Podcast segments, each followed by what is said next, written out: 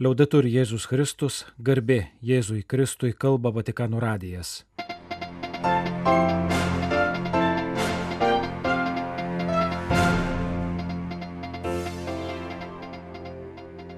Malonus klausytojai šioje programoje. Kodėl, ką ir kaip skelbti. Trečiadienio katechezė apie evangelizavimo aistrą, apaštalavimo ulumą. Paskirtas rytų bažnyčių dikasterijos sekretorius, kraštų viskupų konferencijos ir kitos organizacijos reaguoja į Nikaragvos vyskupo įkalinimą. Vokietijos katalikų labdaros organizacijos Renovabis darbas Ukrainoje.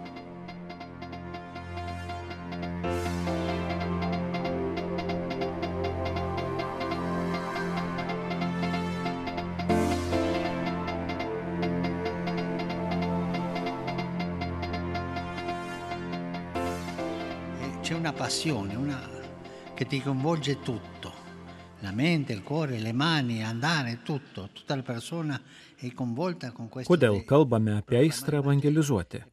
Nes evangelizavimas ar apaštalavimas apima visą žmogų, jo širdį, protą, rankas, veiksmus, asmens visumą. Pataukštė nėra evangelizavimas, pažymėjo popiežius Pranciškus. Vasario 15 dienos bendrojoje audiencijoje pratęsęs katechezių ciklą apie apaštalinę aistrą ir olumą. Evangelijos skelbimo pavyzdys ir mokytojas, kaip kalbėta ankstesnėse katechezėse, yra pats Kristus. O šio trečiadienio susitikime šventasis tėvas pasiūlė pažvelgti į pirmosius mokinius. Ir jis paskyrė dvylika, kad jie būtų kartu su juo ir kad galėtų siūsti juos skelbti žodžio, pasakoja evangelistas Morkus. Tai gali pasirodyti prieštaringa. Viešpats paskiria mokinius, kad būtų su juo ir kad eitų skelbti. Logiškiau būtų sakyti, arba liekate su manimi, arba einate. Tačiau, nors gali būti sunku suprasti, yra būtent taip. Non c'è andare senza stare e non c'è stare senza andare. Nėra ėjimo skelbti be pasilikimo su Jėzumi ir nėra buvimo su Jėzumi be įėjimo skelbti. Ką tai reiškia? Nėra išėjimo be buvimo. Prieš siuntimą skelbti viešpats pasišaukė mokinius pas save. Kitaip tariant, skelbimas gimsta ir kiekviena kita krikščioniška veikla atsiranda iš susitikimo su viešpačiu. Tai nėra išmokstama prie stalo mokykloje. Visų pirma, turi būti susitikimas su viešpačiu.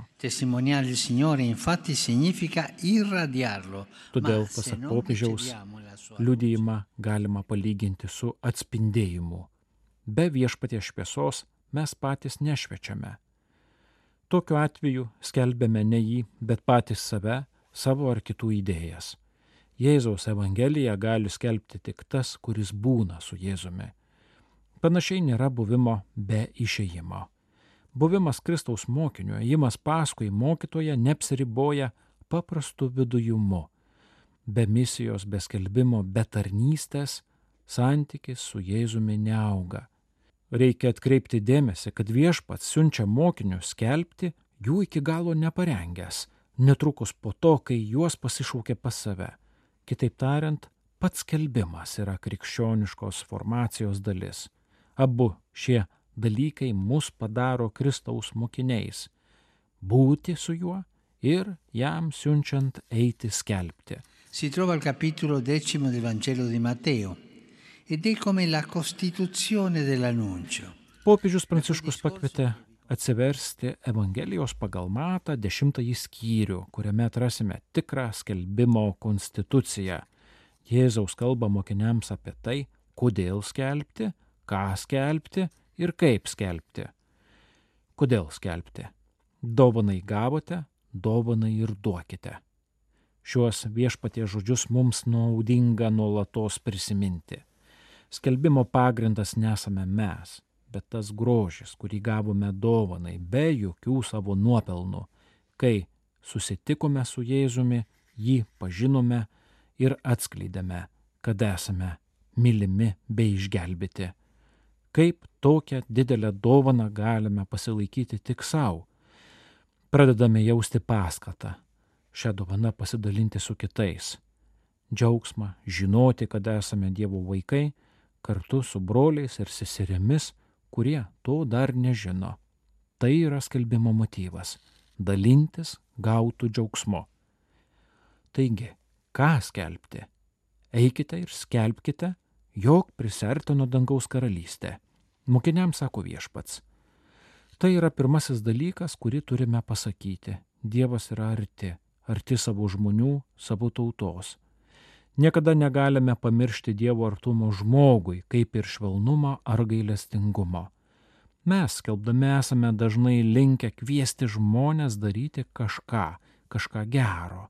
Tai nėra blogai, tačiau pagrindinė žinia turi būti ta, kad Dievas yra šalia ir mus myli. Vis tik priimti šią meilę gali būti sunku. Dėl to, kad mes patys norime būti centre, griežti pirmojų smaiku, patys keisti, o ne būti keičiami, patys kalbėti, o ne klausytis. Bet mūsų skelbimas, pakartojo popiežius, turi būti ne apie mus pačius, bet apie Dievą, leidžiant kitiems pajusti, kad jis šalia ir suteikiant galimybę jį priimti. Punto.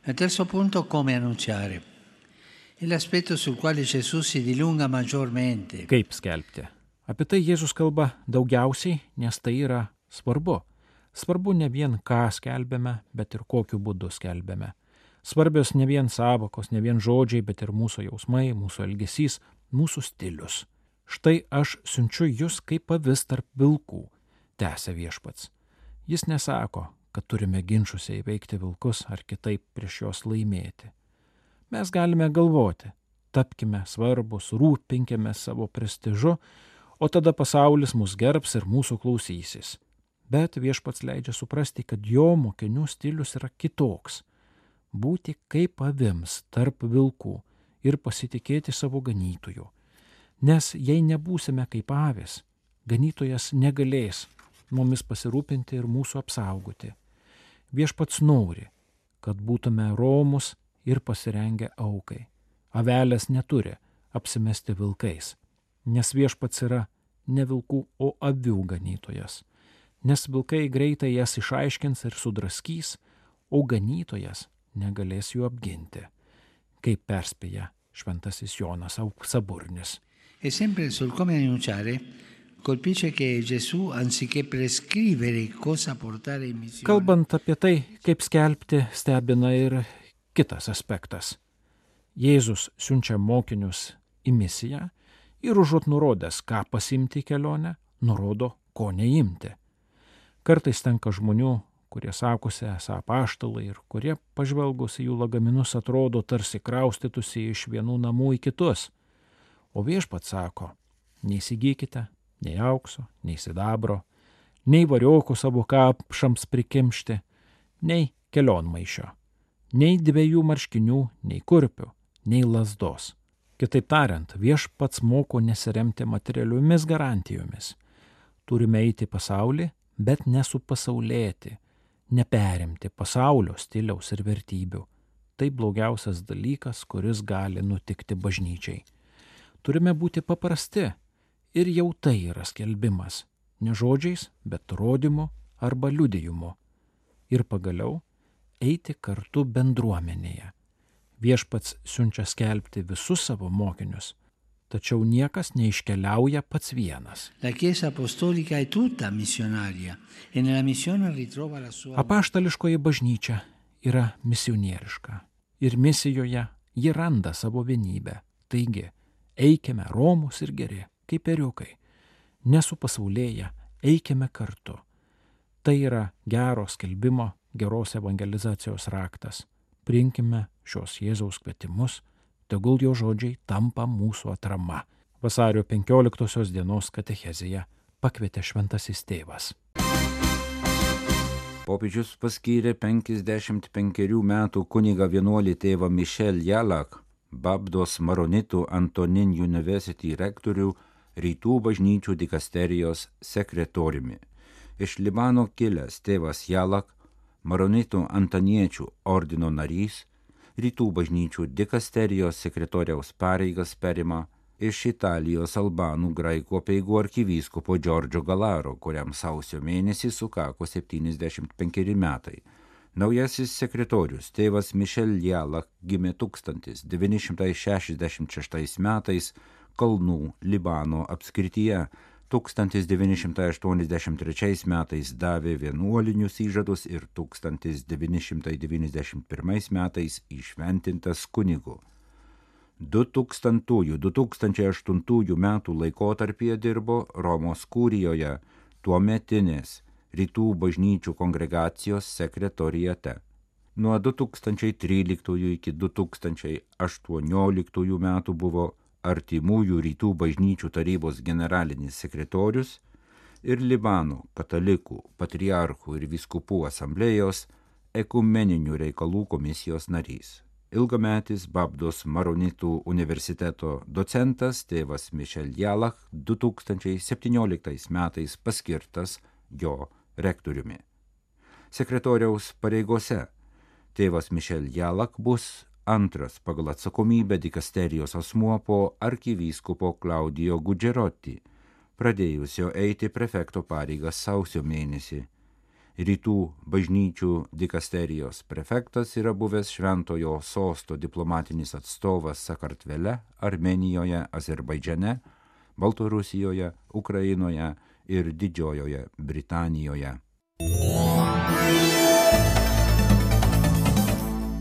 Katalikų vyskupų konferencijos ir bažnyčios atstovai visame pasaulyje smerkia Matagalpos vyskupo Rolando Alvareso nuteisimą ir įkalinimą nepatvirtintomis žiniomis į Tititapos kalėjimą išvežtas vyskupas laikomas karceryje. Spėliojama, kad Nikaragvos režimas jį izoliavo vienutėje, kad negalėtų bendrauti su kitais kaliniais solidarumą su kalinamu vyskupu ir persekiojimais Nikaragvos katalikais užtikrino be kitų Brazilijos, Gvatemalos, Kostarikos, Panamos ir Salvadoro vyskupų konferencijos. Argentinos episkopato vadovas užtikrino visų krašto vyskupų solidarumą.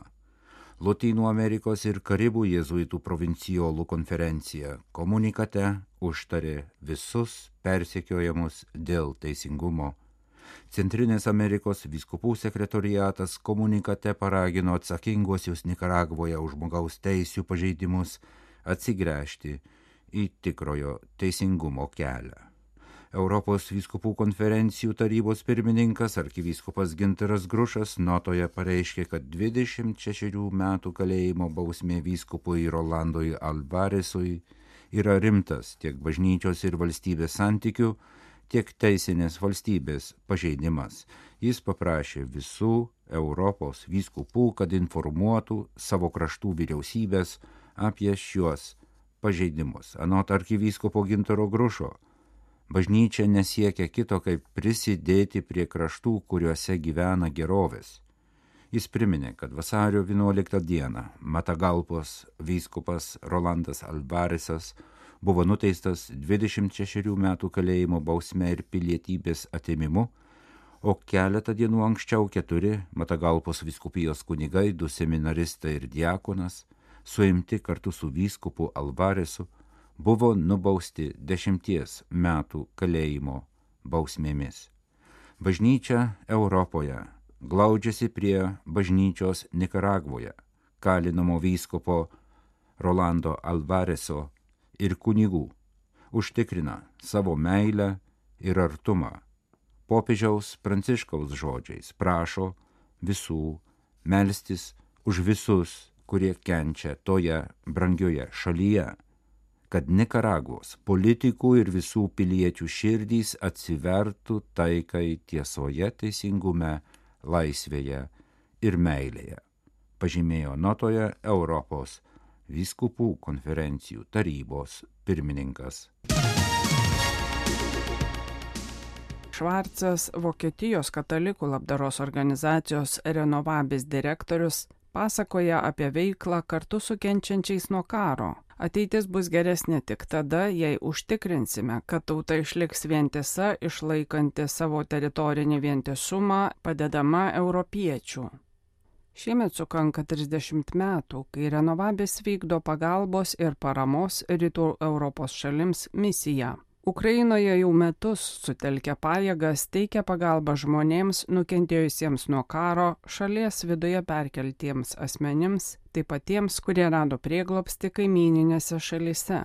Tarp pagrindinių organizacijos paramos būdų - pagalba maistu, drabužiais ir medicininė priežiūra, parama Ukrainos karitui, psichologinė pagalba vaikams ir jaunimui. Apie tai pasakoja kunigas Tomas Švarcas, Renovabės generalinis direktorius. Pasak kunigo Švarco prieš metus Rusijos pradėtas karas pakeitė viską jų darbe, veikloje Ukrainoje, šalyje, kurioje fondas darbuojasi nuo pat savo įsikūrimo.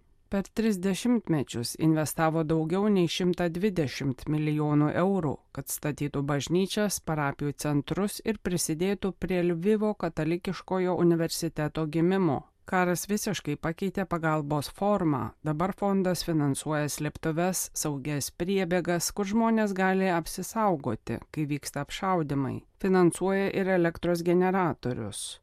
Šio karo kontekste taip pat svarbu padėti tiems, kurie yra pažeidžiamiausi - ligonėms ir pagyvenusiems žmonėms, kurie negauna pakankamai pagalbos, o patys negali, pavyzdžiui, nusipirkti vaistų. Taip pat fondas remia daug studentų, kurie negali išvykti iš Ukrainos, kad jie galėtų tęsti studijas, suteikia daug stipendijų, kad studentai galėtų kurti ateitį šioje karo situacijoje. Kunigas Tomas Švarcas pernai vasarą lankėsi Ukrainoje, nuvyko į Lvivą, Kijevą, Bučą ir Pinę, kur matė pamirštančio žmogiškumą, karo žiaurumą.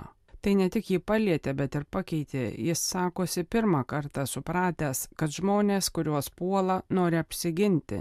Nori apginti savo šalį, atsilaikyti prieš barbarizmą, kuris atrodė nebeįmanomas Europoje po visų antrojo pasaulinio karo patirtų kančių. Po šios kelionės grįžau į Vokietiją kaip kitas žmogus, o kitas mano vizitas, kuris bus per didžiąją savaitę, tikrai vėl nuves mane į tas vietas, kur matome žmonės, kuriems reikia orumo ir mes kaip renovabės norime padaryti tai įmanoma, padėti apsaugoti žmonių orumą, ypač karo situacijoje, pasakoja renovabės direktorius.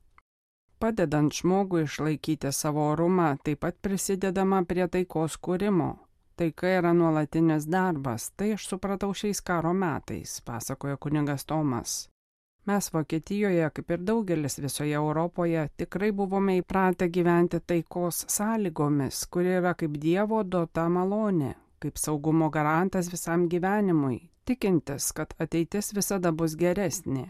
Dabar pirmą kartą Europoje suprantame, kad ateitis bus geresnė tik tada, kai dirbsime, stengsimės dėl šios ateities, jei visomis jėgomis užtikrinsime, kad tauta išliktų vientisa, išlaikytų savo teritoriją, gaudama visų mūsų europiečių pagalbą. Sakė dvasininkas, pridurdamas, kad Vokietijos kancleris apibūdino šį momentą kaip lūžio tašką ir jis tikisi, kad tai tikrai bus epochos pokytis šiame žemynė.